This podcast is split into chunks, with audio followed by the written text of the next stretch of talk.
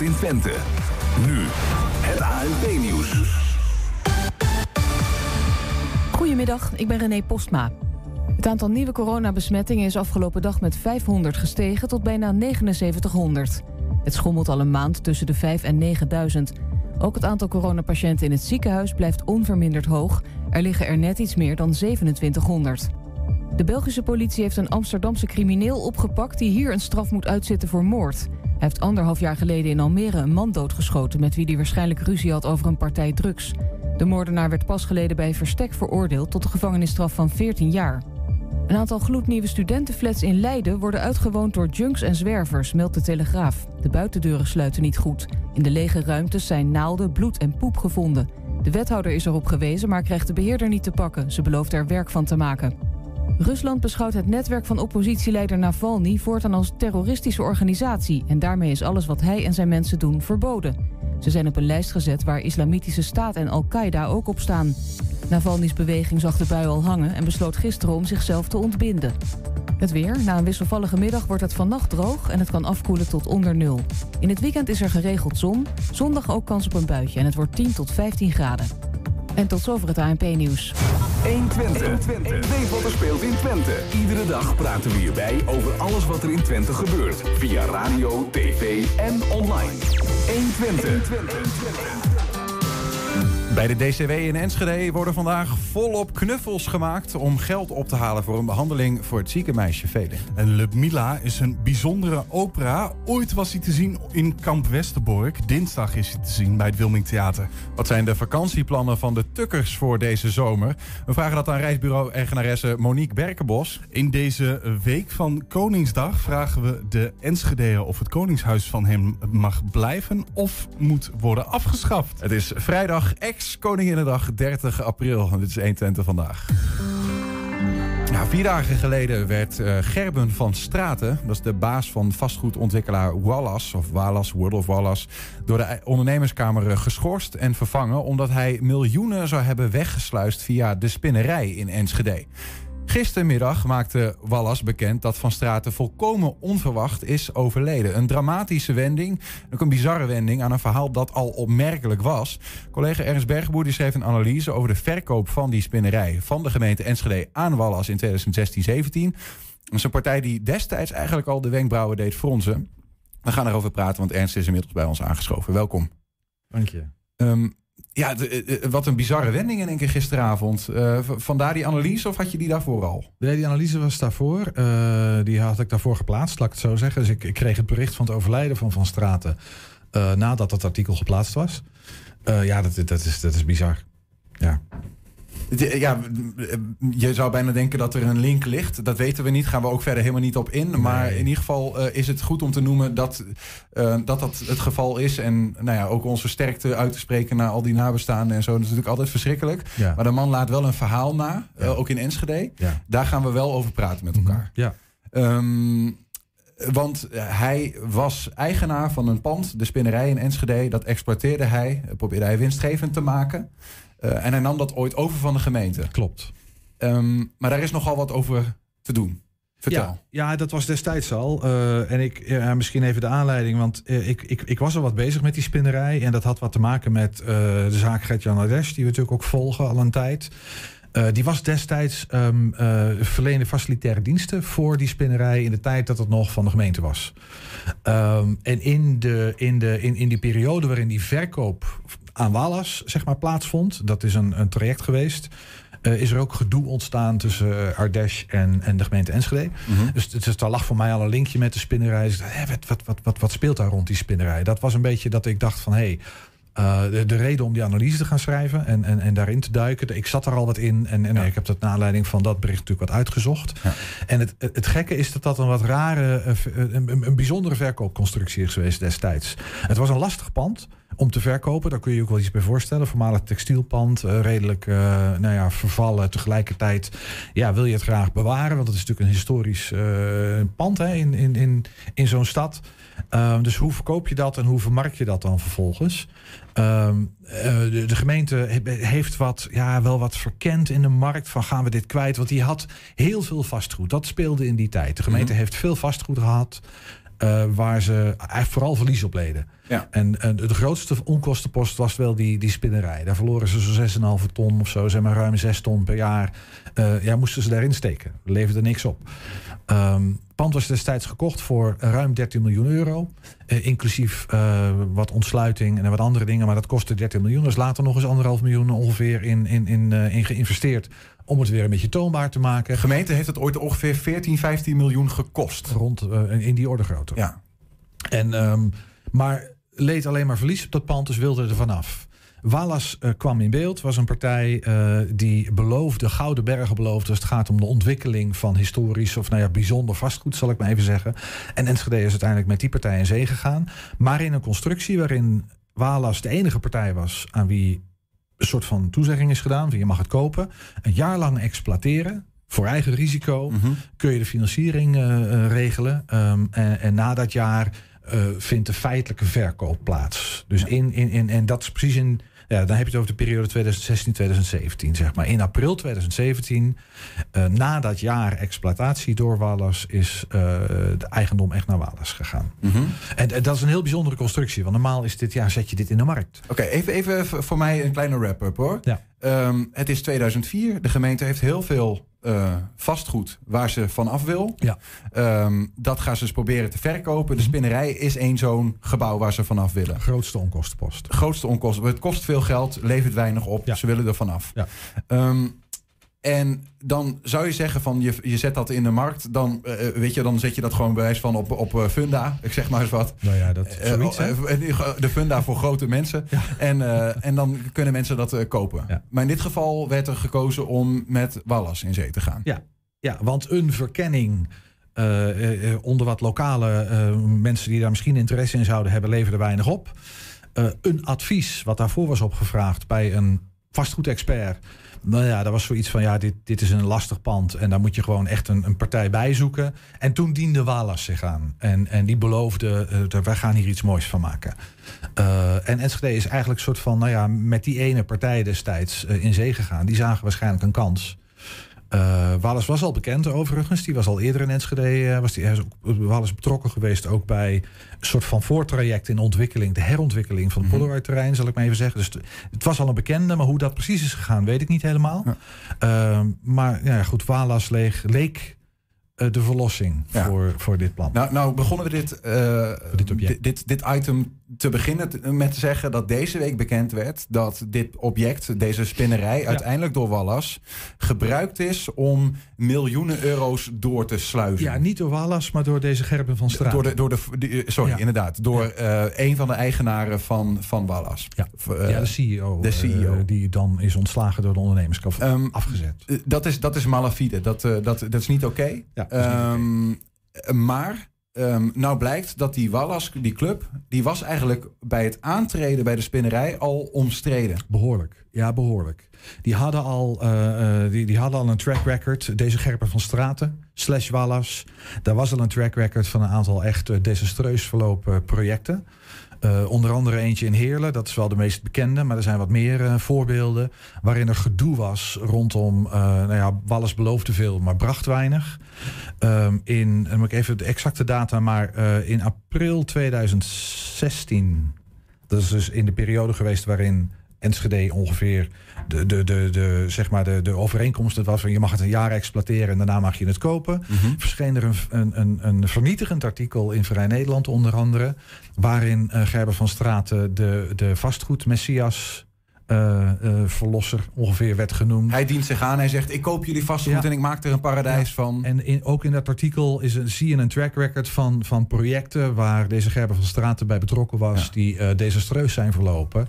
En ja, een charlatan, geen, geen, geen eerlijke man, geen betrouwbare partij Mhm. en ook niet solvabel. Ze hadden geen centen om, om, om iets te kopen, laat staan die spinnerij. Dus er waren vraagtekens rondom. En nou ja, goed, en Heerlen heeft de rekenkamercommissie van Heerlen heeft een onderzoek gedaan nadat, en dan heb je het over 2011, 2012, nadat project in Heerlen dat is mislukt, Mhm. komen tot een aantal eh, conclusies. En dan zie je dat eigenlijk de constructie die Enschede kiest erg toch wel lijkt op, op wat daar in Heerlen is gebeurd. Ja. Dus dat was allemaal al bekend, zeg maar, voordat die definitieve verkoop plaatsvond. Is, is er in die periode, zijn daar ook uh, toen al vragen over gesteld... als dit soort rapporten er al lagen over deze partij? Ja, een beetje. Uh, de, de, de, de ik, da, zo kom ik weer op die Gert-Jan Nardes, zou ik maar even zeggen... waar we het vaker over gehad hebben. Die begon, die, die zag, ja, die hij exploiteerde, of hij had belang, zou even zeggen. Hij exploiteerde dat een beetje. Wallace kwam in beeld. Dus die ging onderzoek doen van wat is dit voor partij en wat betekent dat voor, voor, voor mijn positie als dit overgenomen wordt. Dat wilde hij weten. Want hij leverde bijvoorbeeld koffie. Koffie, uh, kantoormeubels, ja. uh, nou van alles en nog wat. Um, die kwam erachter, nou, die, die stuitte op bijvoorbeeld dat artikel in Vrij Nederland. Die stuitte op dat uh, rapport van die onderzoekscommissie van ja. de Rekenkamercommissie in Heerlen.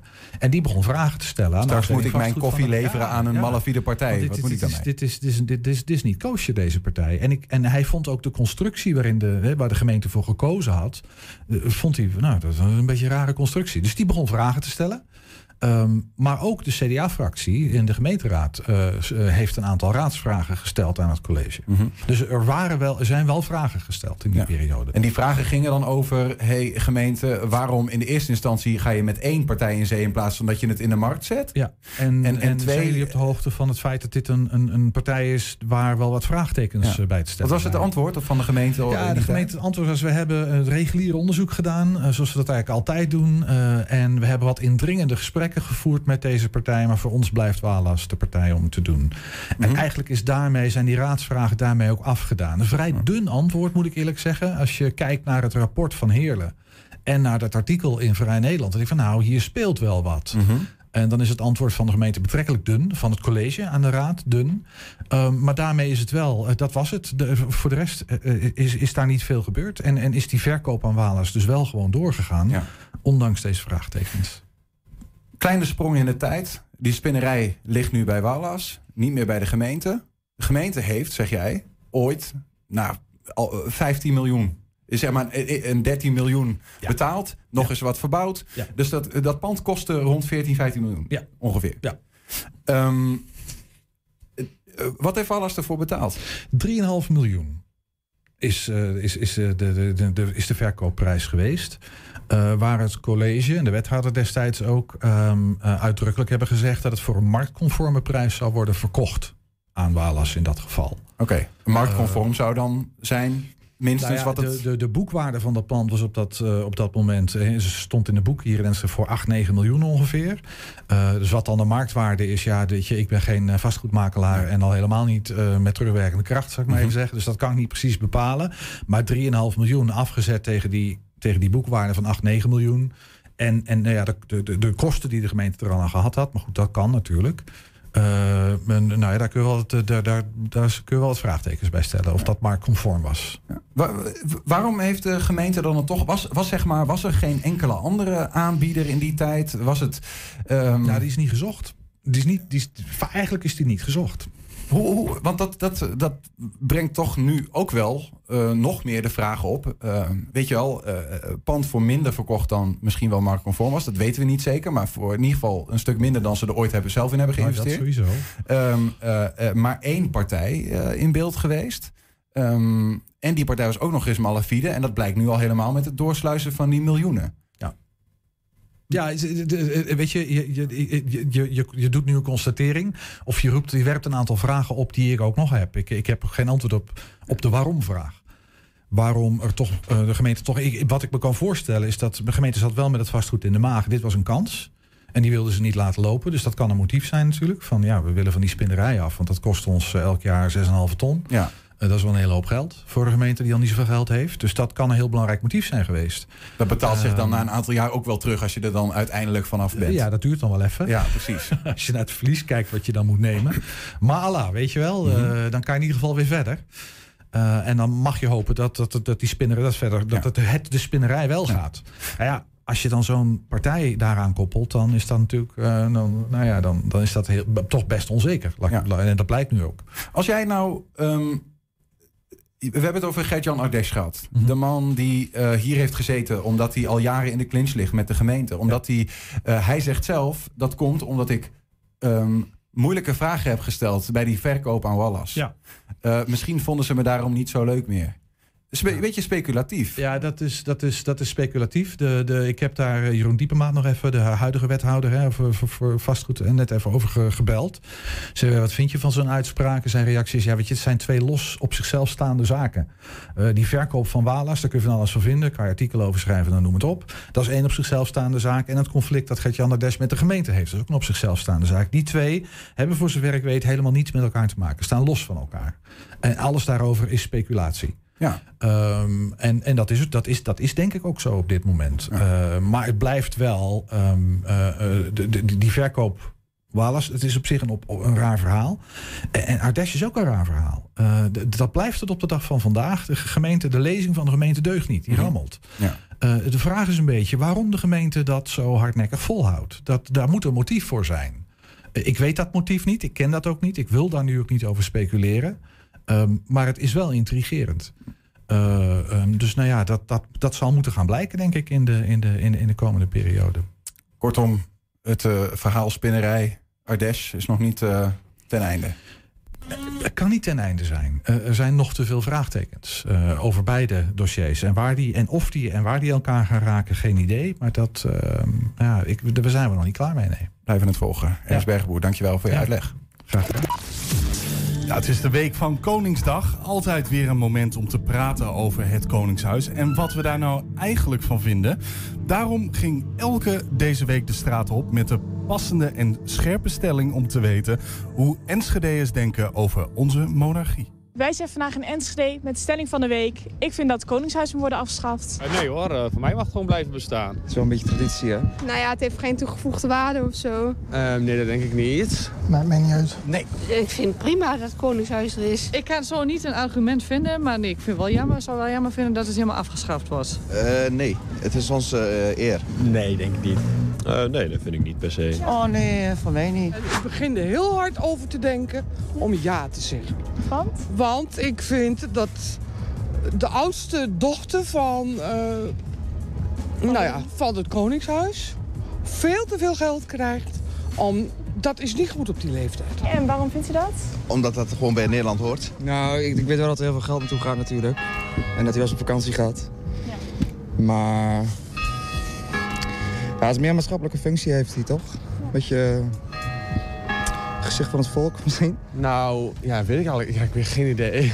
Nou, ik denk dat we er ook wel veel eh, uithalen. Dus eh, samenhorigheid bijvoorbeeld. In heel veel landen heb je dat niet meer natuurlijk, de monarchie. En eh, hier wel, dus eh, ja...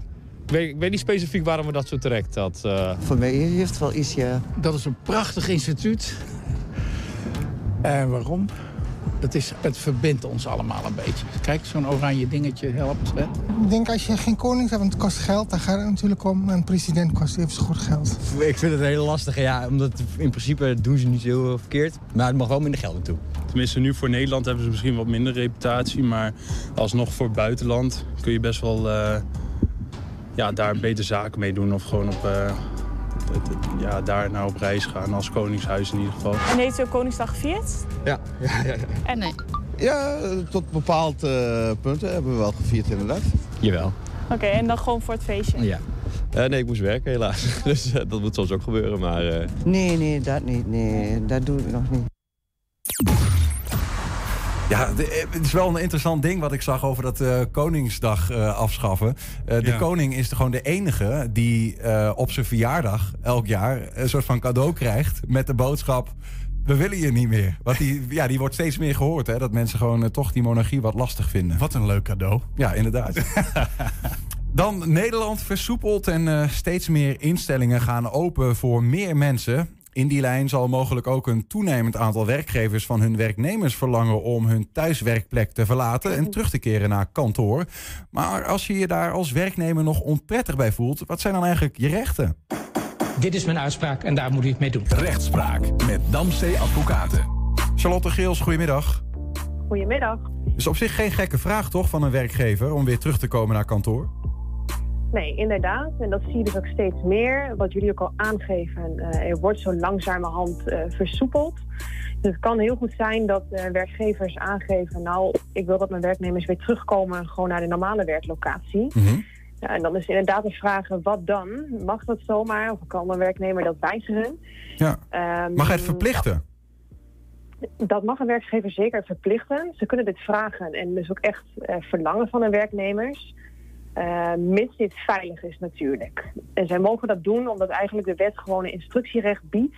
En op basis daarvan kunnen zij van hun werknemers verlangen om weer op de werkvloer te verschijnen. Ja, ja. maar ik, ik kan toch ook het gevoel hebben van ja, weet je, ik ben nog niet gevaccineerd. Ik zit in een risicogroep of ik voel me risicovol. Nou ja, ik, ik, ik voel me er toch onveilig bij. Wa wanneer mag ik dan weigeren? Om te komen? Ja, dat kan inderdaad. De, sommige werknemers die zijn uh, bang om besmet te raken op het werk. Um, dat is natuurlijk heel vervelend dat je die gedachte hebt. Maar eigenlijk is dat dus geen reden om te weigeren uh, naar het werk te komen. Mm -hmm. Tenzij nou echt een gevaar drijft op de werkvloer dat zo'n werknemer ziek zal worden, omdat er bijvoorbeeld collega's zijn die verkouden zijn. Dan heeft een werknemer eigenlijk wel uh, nou ja, een goede reden om aan te geven dat durf ik niet. Maar doen ze dat dus niet, hebben ze die reden niet en komen ze niet, weigeren ze, dan moet zo'n werknemer zich beseffen dat hij eigenlijk ook geen recht heeft op loon. Ja. Dus, maar het kan dus wel zijn dat een werkgever, um, als je als werknemer vindt van ja, maar die, de voorzorgsmaatregelen om veilige werkomgeving te creëren zijn niet goed op, bij, bij mij op werk, ja, dan heb je, kun je wel eventueel in een uh, impasse komen met je werkgever. Ja, dan kun je in een impasse komen, inderdaad. En als uh, echt een werkgever ook niet voldoende maatregelen heeft genomen. Want dat moet een werkgever wel doen. Ze moeten een veilige werkplek bieden aan hun werknemers. Hoe ziet dat eruit? Een paar dingen? Uh, nou, dat zijn hygiënevoorschriften. Dus dan kun je echt denken uh, aan aankondigingen dat de handen goed gewassen moeten worden. Spatschermen, looproutes. Uh, ervoor zorgen dat iedereen echt ruim afstand kan houden van elkaar. Dat zijn mm -hmm. zomaar even wat maatregelen waar je aan moet denken. En doet een werkgever dat niet en voert de werknemer dat vervolgens aan... dan denk ik dat zo'n werknemer uh, echt wel sterk staat bij een rechter. En een rechter dan zal oordelen dat het geen werkweigering is als zo'n werknemer niet naar kantoor of naar de werkplek durft te komen. Nou is er ook een voorbeeld van een zaak in Flevoland, geloof ik, hè, waar uh, eerder, eerder eigenlijk al in de coronaperiode een soort van conflict is ontstaan waarbij de werkgever zei, uh, is gewoon veilig, gewoon naar kantoor komen. En de werknemer zei, ja, maar ik voel me daar niet prettig bij. En daar is uiteindelijk echt een rechtszaak van gekomen. Ja, dat is behoorlijk hoog opgelopen. Er kwam ook bij, uh, het ging hier om een werknemer, uh, hij was al wat op leeftijd, deze meneer, 64 jaar, manager binnen dat bouwbedrijf. Uh, en hij was verantwoordelijk eigenlijk voor het kwaliteitsbeleid en ook het arbobeleid. En er kwamen steeds meer werknemers naar hem toe met de vraag van hoe zit dat nu met de coronarichtlijnen hier op het werk? wordt het allemaal wel goed nageleefd? Dus iedereen had daar zo zijn twijfels bij. En deze werknemer zelf ook. Dus die stijgerde wat en die kwam in discussie met de directeur. Uh, de directeur nam het allemaal niet zo serieus. Die dacht, nou, het is maar een griepje, dat coronavirus. Uh, zo waren er nog wat meer discussiepunten en uh, de werknemer werd ervoor afgestraft met een lagere bonus. Uiteindelijk heeft dat inderdaad tot een rechtszaak geleid. En is de werkgever, dus het bouwbedrijf, echt op de vingers getikt van nou, hoe ze hier omgingen met de coronaregels. En dus uh, deze werknemer eigenlijk aanspraken. En dat kon niet door de beugel. Mm -hmm. uh, dus de werknemer ging de manager dus ging er vandoor met een vergoeding van bijna 2 ton heb ik gelezen inderdaad. Uh, dat klopt. Wow. Dus dat is wel iets wat werkgevers zich wel goed moeten beseffen. Van we moeten wel uh, de maatregelen gewoon binnen onder onze onderneming goed naleven. Ja, want even de, deze werknemer die zei dus uiteindelijk van er is zoveel gebeurd in conflict met mij en die werkgever. Uh, ik, ik voel me hier niet meer prettig op deze plek. En, en de rechter zegt dan van nou je kunt gaan uh, en je krijgt je moet, de werkgever moet je ook een, die ontslagvergoeding en pensioen en dat soort dingen twee ton in totaal betalen. Ja, exact. Uh, nu speelde hier wel, deze werknemer was ziek, dus normaal gesproken kun je dan niet ontslagen worden. Maar deze werknemer erkende zelf eigenlijk dat door al dit gedoe de arbeidsrelatie zo verstoord was. Dus hij zag zelf ook uh, geen mogelijkheid om terug te keren uh, binnen het bouwbedrijf. en daarom zei de kantoorrechter, oké, we gaan de arbeidsovereenkomst ontbinden.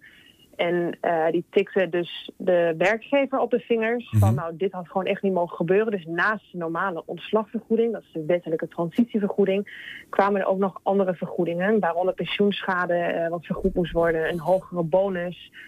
Ingehouden salaris moest met een wettelijke verhoging worden betaald. Dus vandaar dat het bedrag zo enorm opliep. Kortom, je werkgever mag je verplichten om op kantoor te komen werken.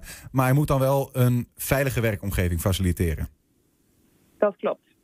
Charlotte Geels van Damstel Advocaten, dank voor je uitleg. Graag gedaan. Ja, wie vorige week naar 120 vandaag heeft gekeken, kan het zich vast nog wel herinneren. Studenten van Saxion Hogeschool maken knuffels voor Felin, een driejarig meisje met een ernstige vorm van epilepsie. De behandeling van Felin wordt uitgevoerd in San Francisco en kost zo'n 100.000 euro. Nou, dat is dus echt enorm veel geld. En daarom werd dat geld ingezameld, of poging tot gedaan. Een van die actie is dus knuffels verkopen. En die knuffels die werden vandaag gemaakt. Ik heb het wel druk over het algemeen, maar hier wil ik zeker tijd voor maken, ja.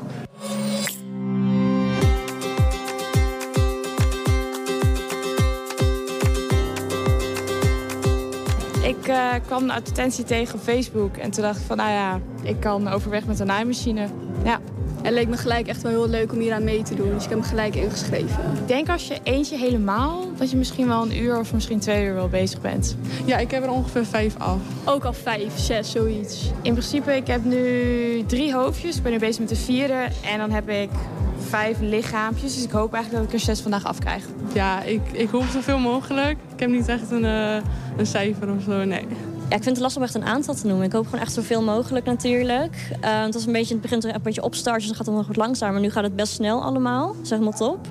Uh, maar gisteravond hadden we al 42 bestellingen. Dus ik hoop dat we dat gewoon sowieso af gaan krijgen. En hopelijk gewoon nog meer. Ja, dat er gewoon voor straks als er nog meer bestellingen binnenkomen... gewoon dat ook meteen uh, kunnen versturen. Uh, we zitten vanmorgen op zetten 36 procent. Dus er moet zeg maar totaal 100.000 euro worden opgehaald. En uh, vanmorgen 36 procent. Ik heb ook regelmatig gewoon foto's gestuurd en dingen doorgestuurd naar haar moeder natuurlijk. En die heeft alles weer aan haar laten zien.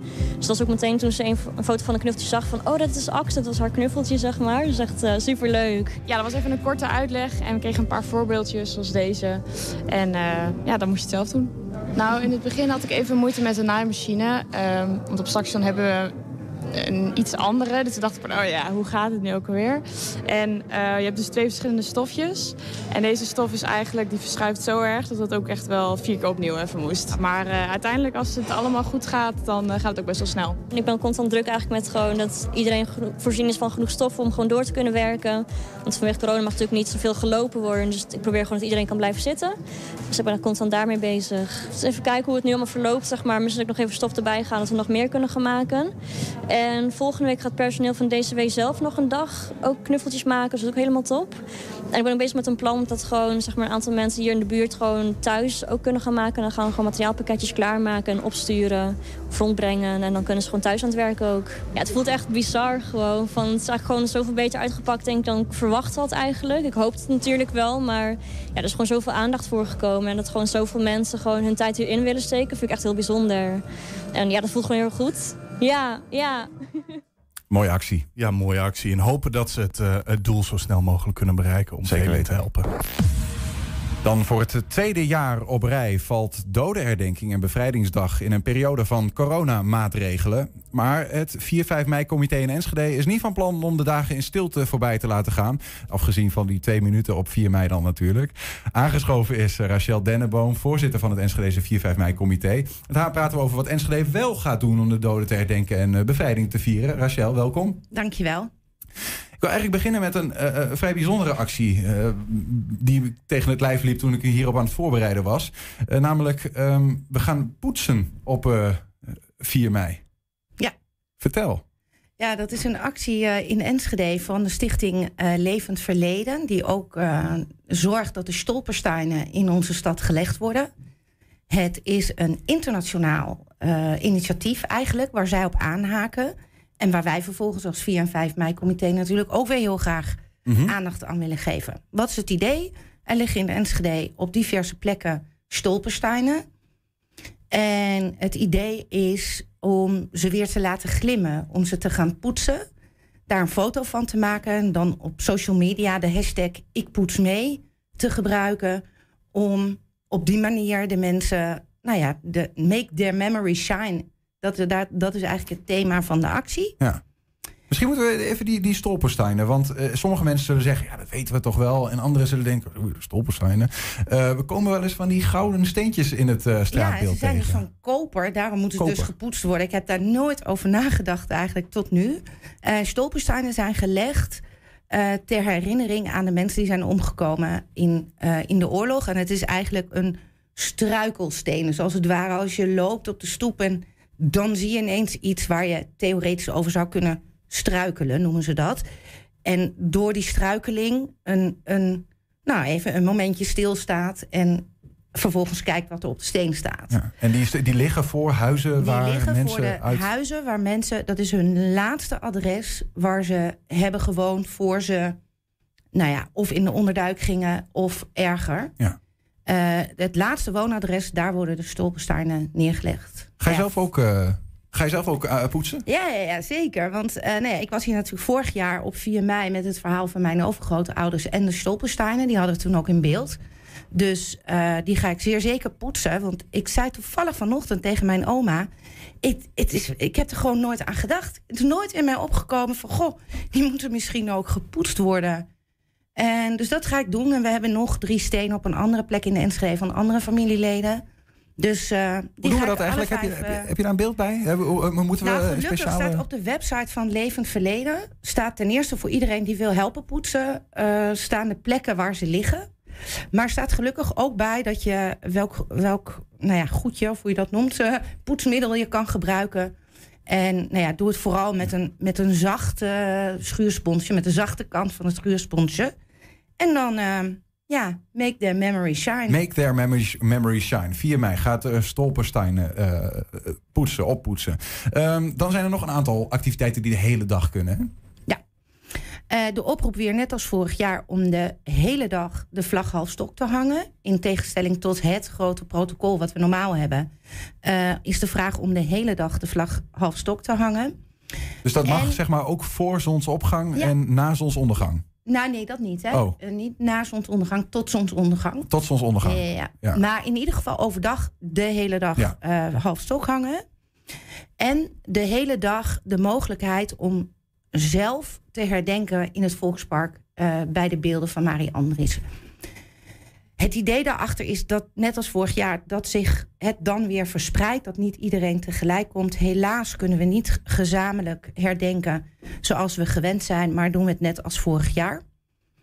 En eh, dus iedereen kan bloemen brengen, kransen of niks. En gewoon even zelf herdenken wanneer hij of zij dat wil. Ja, dus eh, in het Volkspark bij die beeldengroep kun je dan eh, terecht.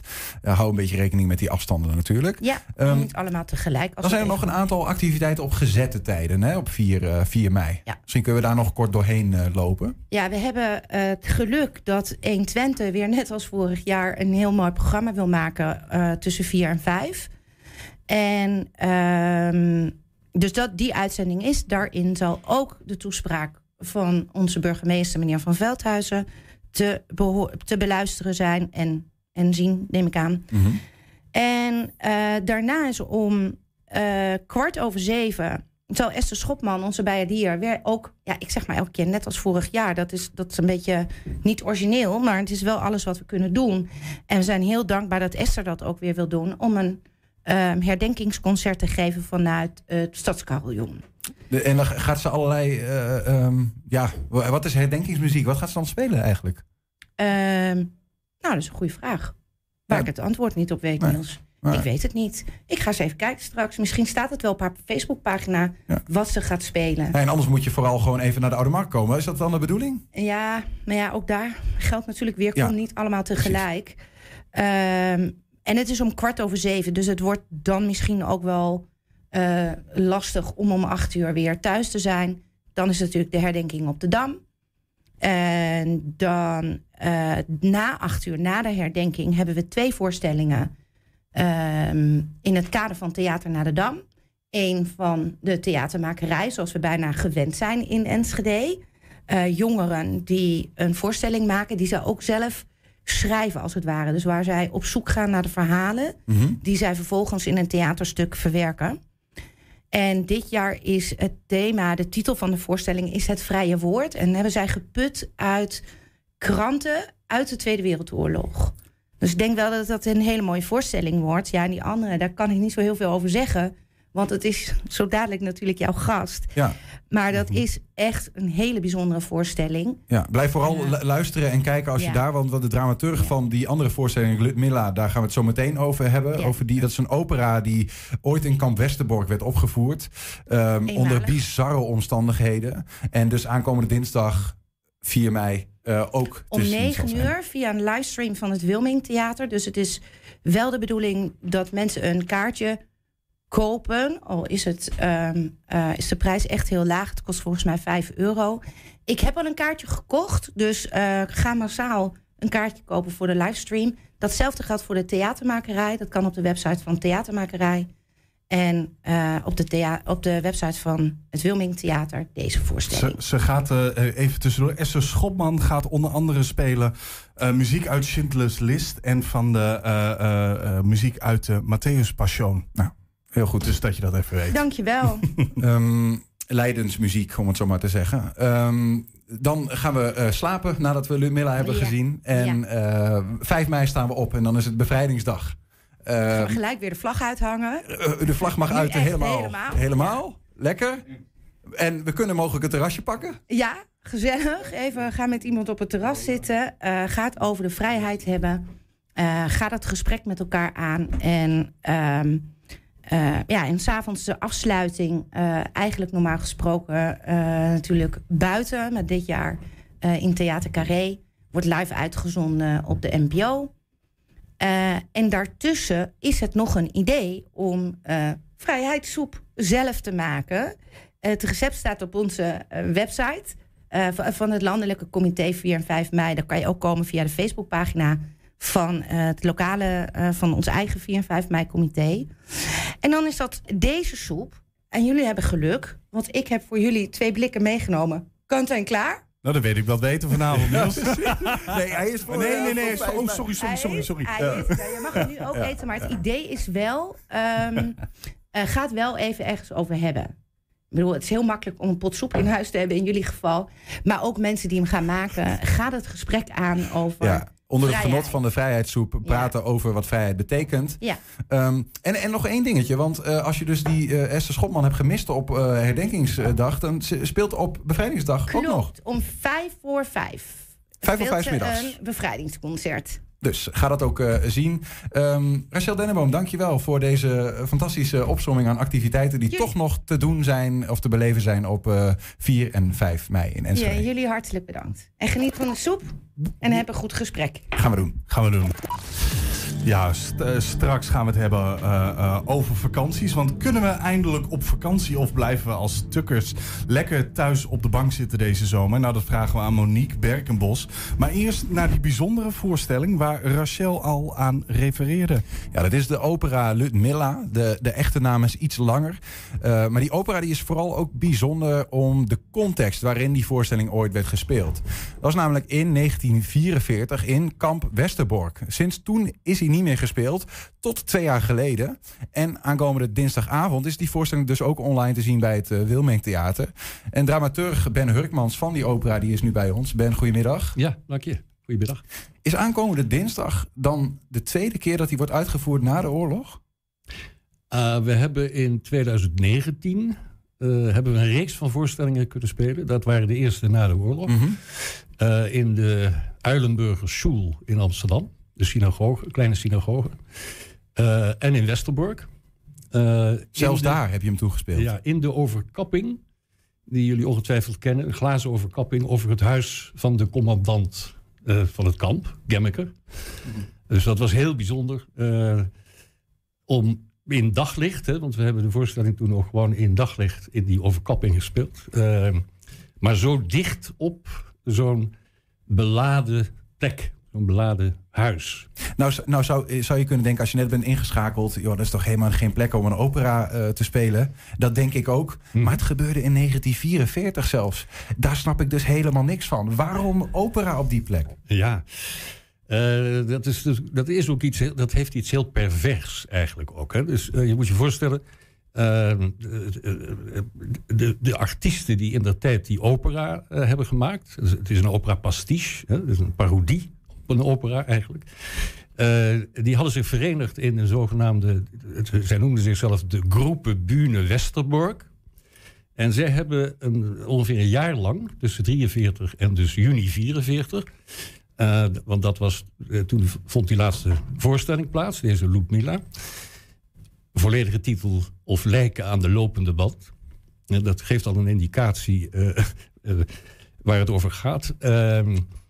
Ehm, die commandant eh, die eh, eh, stuurde voortdurend transporten van Joden die naar Westerbork kwamen uit Nederland, hè, vanuit allerlei plekken, naar razzia's en zo. Ehm, die stuurde die vervolgens per transport, vaak in veewagons, door naar het oosten. En dat waren de vernietigings Vernietigingskampen. Westerbork was zeg maar een, een, een doorgangs- doorgangskamp. Een doorgangskamp. Hè? Eh, maar die, die, die cabaretmensen die zijn daar verhoudingsgewijs lang kunnen blijven. Omdat hij elke dinsdagochtend vonden de transporten plaats. En op dinsdagavond vonden die cabaretavonden plaats. In een van de barakken, namelijk de barak waar ze eerder, de mensen die op transport werden gesteld, eerder zich moesten laten registreren. Het, de administratiebarak. Daar vonden dus die eh, opvoeringen niet voor niets op dinsdagavond. Want dat deed hij bewust om de mensen dan weer een beetje te kalmeren. Je moet je voorstellen dat eh, als je op de lijst voor zo'n transport kwam, dan hoorde je dat in het weekend voorafgaand aan die dinsdagochtend. En dat was natuurlijk altijd paniek. Want er werden families uiteengerukt, hè, eh, vaders van, van moeders gescheiden, kinderen van ouders. eh, dat was totale paniek. Er vonden in die periode voor het transport ook heel veel zelfmoorden plaats in, in het kamp. Dinsdagochtend vond dat, transport plaats? Een dinsdagavond waren de bonte avonden. Voor de mensen die niet op transport... Juist. Hè? Dus die zaten daar ook met zeer gemengde gevoelens, eh, kan je je voorstellen. Wie speelde die opera dan? Dat waren, ehm, dat, wa- dat waren op dat moment eigenlijk de, de beste cabaretiers van, van Europa. Revue-artiesten, zouden wij nu misschien ook nog zeggen. Die kwamen uit Berlijn, uit Wenen. Die waren eerder al naar Nederland gekomen, gevlucht voor de nazi's. Eh, maar werden op een gegeven moment ook eh, in Nederland doorgestuurd naar Westerbork. Daar hebben ze zich verenigd in die roepen Bühne Westerbork. Onvoorstelbaar. Ik, ik- we, we hebben een klein stukje om te horen wat er dan in Westerbork toen eh, te horen was. Maar vooral ook wat er aankomende dinsdag eh, te horen zal zijn. Een stukje vanuit Ludmilla, geloof ik. Hè? Misschien moet je er nog Ja, iets van eh, vertellen. ik, ik, als het goed is, hebben jullie twee kleine fragmenten doorgestuurd gekregen. Ja, we hebben, er één, we hebben één fragment De, van een de minuut. allereerste, ja. Het Eh, één- fragment nummer 1. Fragment nummer 1. ik weet dus niet welk Nou, fragment dat dan gaan we er eerst misschien even naar luisteren en dan komen we er zo op terug. Ik denk dat dat het dat lijkt me is. beter, want dan herken ik het wel. Ja, top.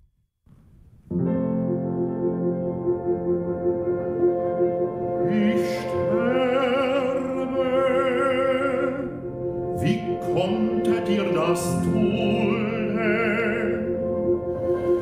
In meinem Schreibtisch liegt ein Verzeichnis meiner Schulden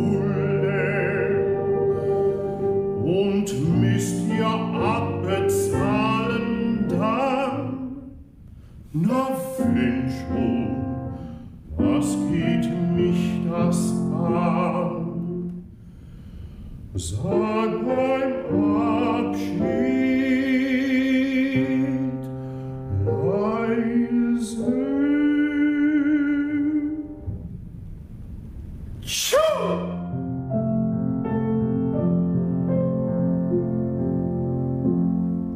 Oké. De context. Hè? Dus het is uit eh, de opera zoals we hem nu ook brengen. Dus niet uit Westerbork. Maar eh, de opnames zijn wel niet van heel recent, maar van twee jaar geleden.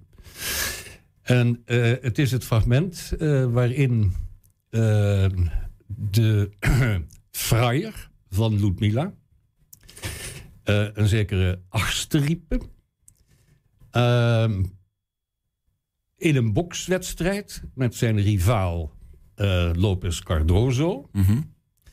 ehm, een dodelijke klap heeft toegekregen, eh, eh, eh, gediend gekregen.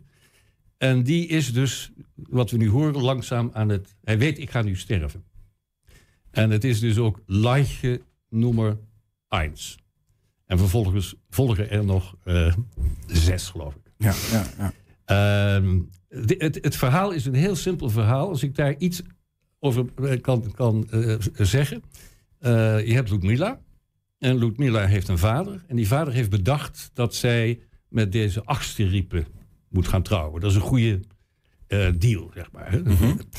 Ehm, maar zij heeft een, een, een andere opvatting. Zij is verliefd op eh Lopez Cardozo. En dus eh, die vader is het daar nu natuurlijk niet mee eens. dan zijn er allerlei verwikkelingen. En uiteindelijk leidt dat dus tot een gevecht tussen de twee. Het moet maar uitgevochten worden. Die vader heeft aanvankelijk iets van, wat krijgen we nu? Een, een, een bokswedstrijd hier, hè, in deze situatie. Eh, maar dan heeft hij iets van, ja, wa- waarom ook eigenlijk niet? Geef hem er van langs. Nou, en eh, deze achterriepen wordt, een van zijn kenmerken, en komische aspecten, is dat hij dus ongelooflijk verkouden is. Dat is natuurlijk in deze coronatijd extra pregnant, zeg Ja, maar. ja. Hij, hij niest over alles en iedereen heen.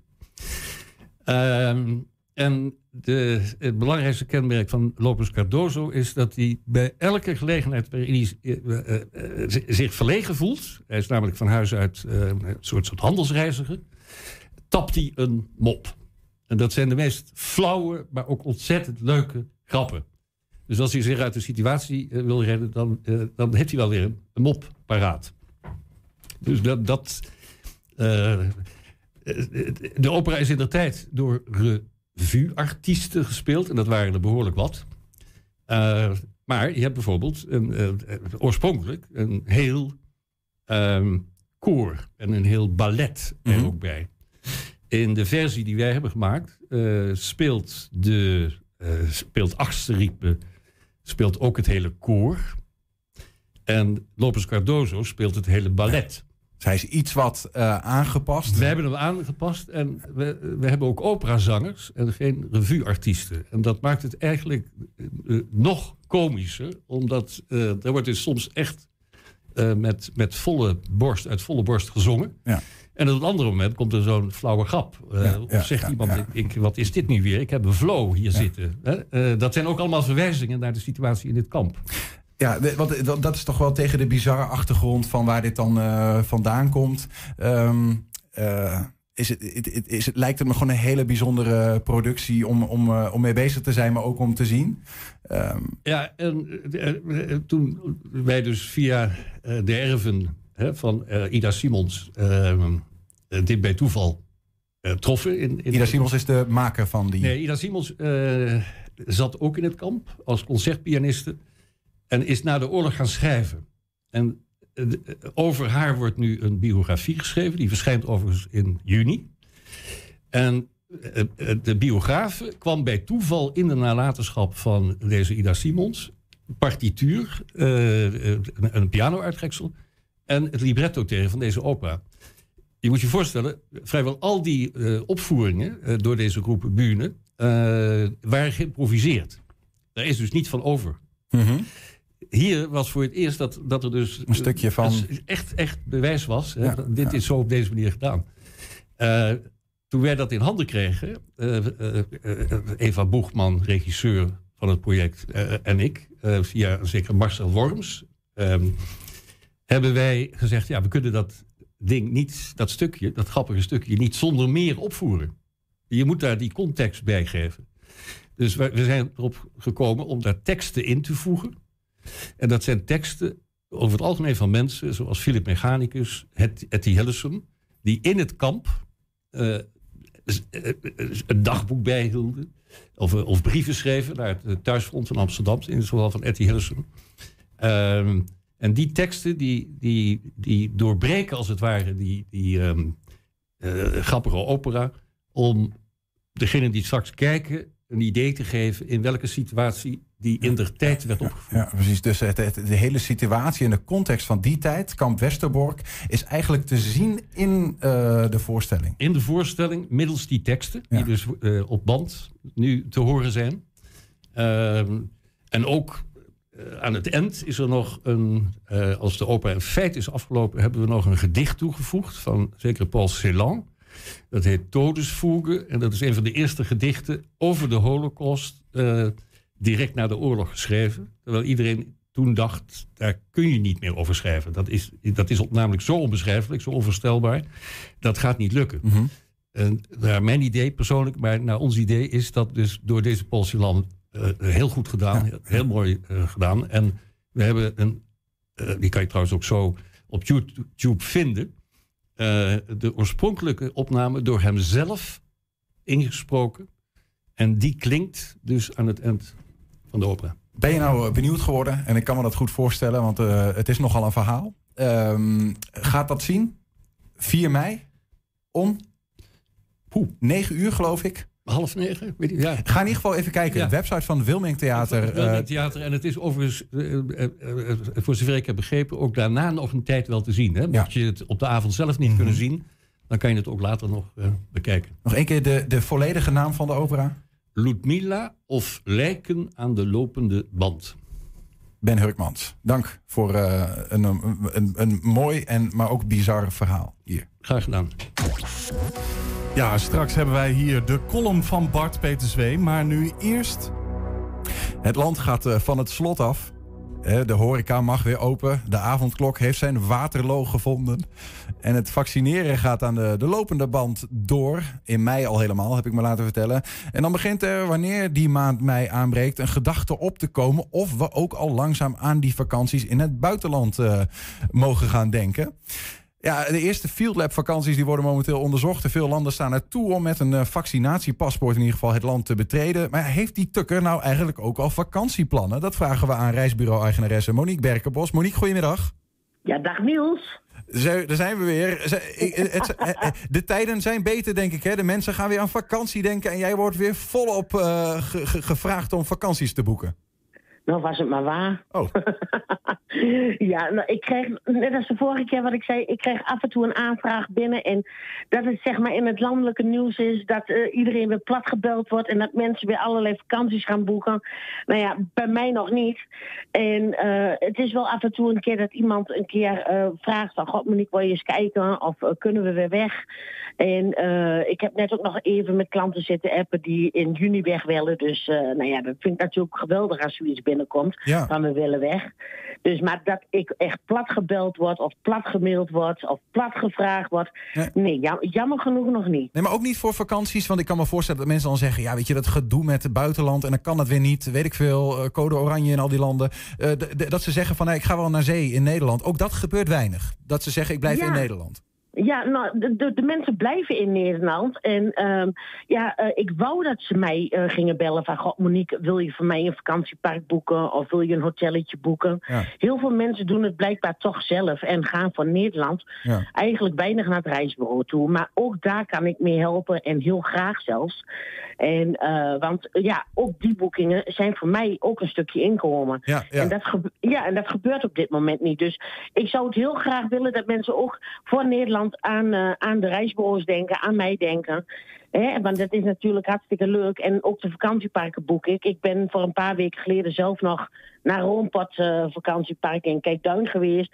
Nou, heerlijk, lekker aan zee. Ja, nou, nou, en, en, maar we zijn natuurlijk ook een beetje een journalistiek medium. Want ik snap deze, de- dat je graag de mensen naar je platform trekt. En daar gunnen we je ook heel erg. Maar we vragen ons ook af: heb jij nou een idee hoe het kan dat, eh, dat er toch weinig mensen blijkbaar aan een exotische buitenlandvakantie eh, denken? Of misschien ook minder exotisch, maar gewoon eh, dat ze toch de, die stap naar jou niet maken.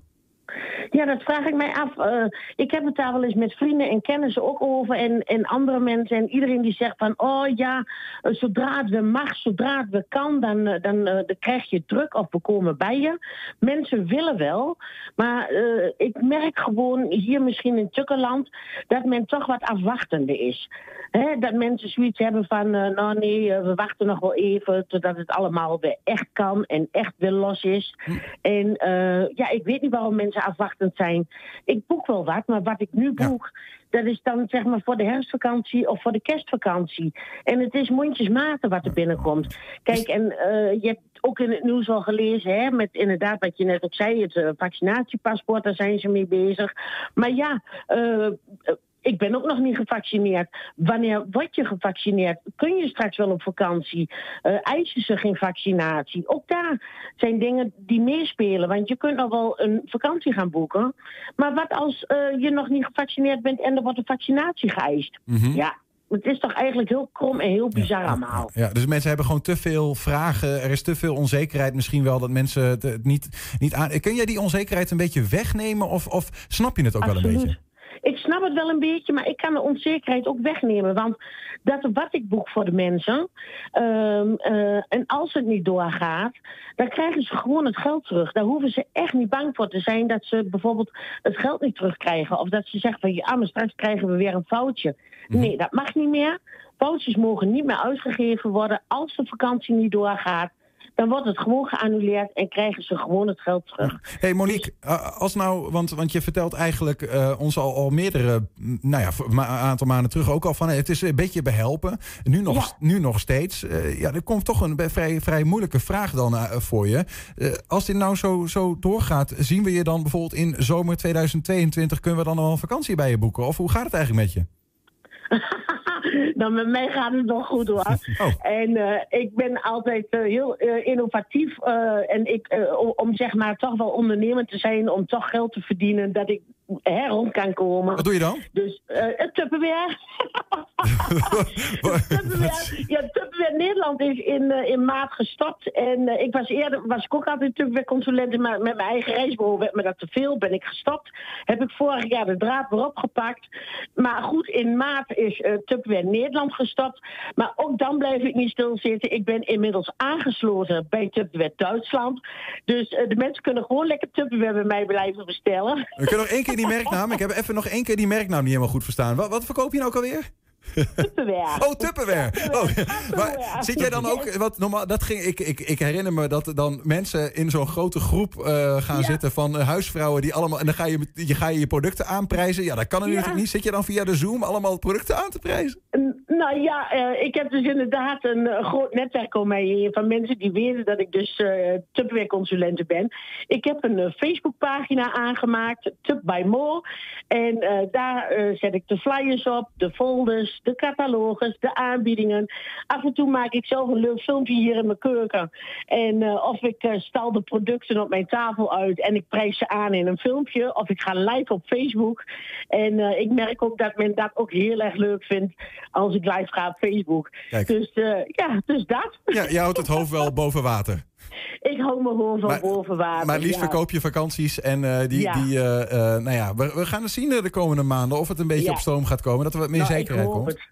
Ik hoop het echt, want dat is toch echt mijn passie.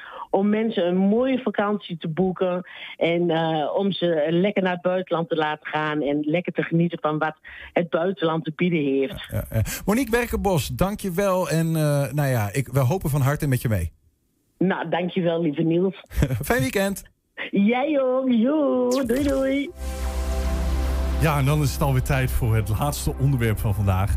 Hij neemt plaats, zet zijn mondkap af. En hier is Bart-Peter Zweem. Hij is aanwezig in de studio, dames en heren. Wauw, ja, fantastisch. Eh, Bart, eh, even, want we hadden het net, eh, Bart. we hadden het net met eh, Monique Berkenbos over de vakantie eh, die eraan komt. Eh, Nogal onzekere zomervakantie. Wat mag wel, wat mag niet? Nee, wij hebben al geboekt. Oh, toch wel? Ja, ja het is, eh, eh, vorig jaar hadden wij een fantastische bejaardenvakantie in een hotel met een fietstocht. En eh, nu gaan we iets jonger. We gaan nu naar een soort gezinsvakantie. Niet dat we, we zijn gewoon met z'n tweeën op een camping in, in Zeeland. Waar waarschijnlijk heel veel kinderen rondsjouwen. Maar daar gaan we nu naartoe. Bij Renesse. Lekker. eh, Eh, daar sjouwen geen kinderen. Dat zijn Oh, nee, jongeren. dat klopt, ja, dat- weet hoe, hoe Ja, ze jong worden- jij ze was worden toen jij- steeds jonger, hè? Ja. Ah, maar het, is, dus- het is weer vrijdagmiddag, je merkt het ook. Ja, lekker toch? Eh, maar wel in, in eigen land, toch? Een beetje voor de. Ja, ja, ja, ja, ja, ja. Of ben jij, jij bent natuurlijk wel een, een, een, een milieubewuste man. Ga jij überhaupt niet verder dan de grens? Oh jee, oh jee. Ik, nou, daar heb ik, ik heb eigenlijk altijd wel discussie dat ik denk van ja, vliegen, vliegen, vliegen. Maar ik heb, ik heb wel een paar keer. Dus twee jaar geleden ook zijn we naar Kreta gaan, wel gevlogen. Ja, dat is ja. Dat, ik ben zo'n schaamvlieger, denk ik. Hoe heet Wordt dat? er terstond een partij uitgezet. Ja, ja, maar ja, je kunt ook zeggen op het moment dat niemand daar meer op vakantie gaat, klettert de boel daar naar, naar beneden. Is dat dan goed? Ja, dat, ik weet het niet. Het is, allemaal, het is moeilijk. Het is moeilijk, ik weet het ook niet. Dat is denk ik wat het antwoord is daar. Snap ik. Ik, heb, ik weet het nog niet. Leuk dat jullie het vragen. Jij Ik- gaat naar Renesse. ja, misschien wel. Misschien Ja, kom ik wel naast je staan. ja, precies. Met een vliegtuig dan kom ik lekker naast je staan. Ik heb al geboekt. Nou ja, dat je het even weet. Veel plezier. Waar Ja, naartoe? nou, ja, bij- ergens bij Kreta in de buurt. Eh Athene op Jij gaat vliegen? Ik ga eh, stiekem Nou, zet je microfoon maar uit dan. Boe, gooi met groen afval. hey, Bart. Ja. De column. The floor is yours. The floor. Thank you. Beste luisteraar, vandaag in het nieuws. Eerste bewoner 3D geprint huis krijgt sleutel. Dat klinkt alsof de eerste en tweede bewoner ruzie hadden en de eerste bewoner de rechtszaak heeft gewonnen. Maar nee, eerste bewoner 3D geprint huis krijgt sleutel heeft betrekking op het feit dat er nu dus ergens een huis is wat 3D geprint is en daar gaan mensen wonen. De techniek is zo ver gevorderd, we kunnen nu huizen printen. De term krantenwijk krijgt voor mij een hele andere betekenis. Qua printen heb ik zelf al moeite met gewone A4'tjes. Ik ben zo iemand die met veel moeite een grote printopdracht klaarzet op de computer en start. Om er vervolgens achter te komen dat er ook nog een bijna lege pagina in het document staat met wat overbodige aantekeningen. Die nu ook uit die printer begint te vliegen. Ho, stop, nee, waar zit het knopje? Maar dat is te laat, dus kijk ik zelf dan bedrukt. Huizen printen, ik vind het knap. Zouden er ook dubbelzijdig geprinte huizen komen? Zolang ik dat maar niet hoef te doen, ik moet nog elke keer bij mijn eigen printer eerst een merkje op het papier zetten om te controleren hoe dat papier er doorheen gaat. Maar mocht u nog steeds denken, hè, hoe zit dat nou met een huis printen? Nou, vroeger hadden we printers met inkt op papier. En inmiddels bestaan er ook langer 3D-printers die met plastic printen. Dus met laagjes plastic. Dan maak je dingen in 3D, hartstikke modern. Sommige trendsetters hebben ook al zo'n plastic printer in huis. Ik moet denken aan de verhalen van mijn moeder dat ze in haar jeugd uh, de eerste in de straat waren met een televisie en dat de hele buurt bij hem kwam kijken. Zo hebben vrienden van mij als een van de eerste nu een 3D-printer en ik denk dat ik de laatste zal zijn. Ik snap daar te weinig van. En dan hebben we het dus alleen nog maar over kleine 3D-printers met plastic. Maar nu heb je dus huizenprinters. Hoe groot zal dat bureau wel niet zijn waar die printer op staat? Maar nee, dat staat dan in een fabriek. En dat print met laagjes beton. En dan krijg je stukjes huis. Fantastisch. We leven in de toekomst. Ik vraag me wel af, zou je bij zo'n huizenprinter dan op een gegeven moment ook een melding krijgen dat de cartridge bijna op is? Dat er dan een lampje gaat branden. Ik moet vervangen worden. Terwijl je nog makkelijk maanden met dat ding zou kunnen printen. Ook kun je de cartridge dan prima bijvullen in zo'n winkeltje waar ze er een naald in steken. En hop, zit er weer inkt in. Als een soort vaccinatieprogramma voor printers. Werkt prima. Bes- bespaart ook een nieuwe verpakking. Het is goedkoper en beter voor het milieu. Maar nee, dat vindt de fabrikant natuurlijk niet de bedoeling. Dus krijg je allemaal waarschuwingen. Pas op, dit kan de printkwaliteit beïnvloeden. Flikker toch op HP. Maar zou het met een huizenprinter net zo zijn? Wat ik wel weet is dat we huizen nodig hebben. Dus ik zeg print maar. Voor mijn part dubbelzijdig en met een nagevulde cartridge. Ik vind het prima. Want de wereld verandert en we kunnen nieuwe technieken goed gebruiken. Dat staat als een huis. Ik zit dus te denken dat je in zo'n geprint huis woont, weet je wel. Maar dat de cartridge dus een beetje leeg was. En dat je dus geen tussenverdieping hebt. dat is gewoon... Of, of dat je juist nog, nog wat over hebt en ook nieuwe vrienden kan uitprinten om in die woning te zitten. Ja, dat kan ook Dan nog. kun jij Ja, een party geven in coronatijd. Met, met plastic slash rubberen vrienden. Ja? Ik, het gaat niet goed met mij. Ja, Julian heeft een paar rubberen vrienden in zijn nachtkastje. met wie je op vakantie gaat in dat vliegtuig. Ja. Maar laat ze als de wieden weer gaan huizen printen, man. Dan eh, kan ik weer goedkoop een huis krijgen in Eh, plaats van... amen, eh, ja, dat doe ik maar mee. Ja. Dat. Ja, kijk eens aan. en daarmee sluiten wij 120 vandaag af. Terugkijken kan direct via 120.nl. En vanavond om 8 en 10 uur kunt u dit ook allemaal terugzien op televisie. Wij zeggen in ieder geval een heel fijn weekend. Goed weekend. 120. Weet wat er speelt in Twente.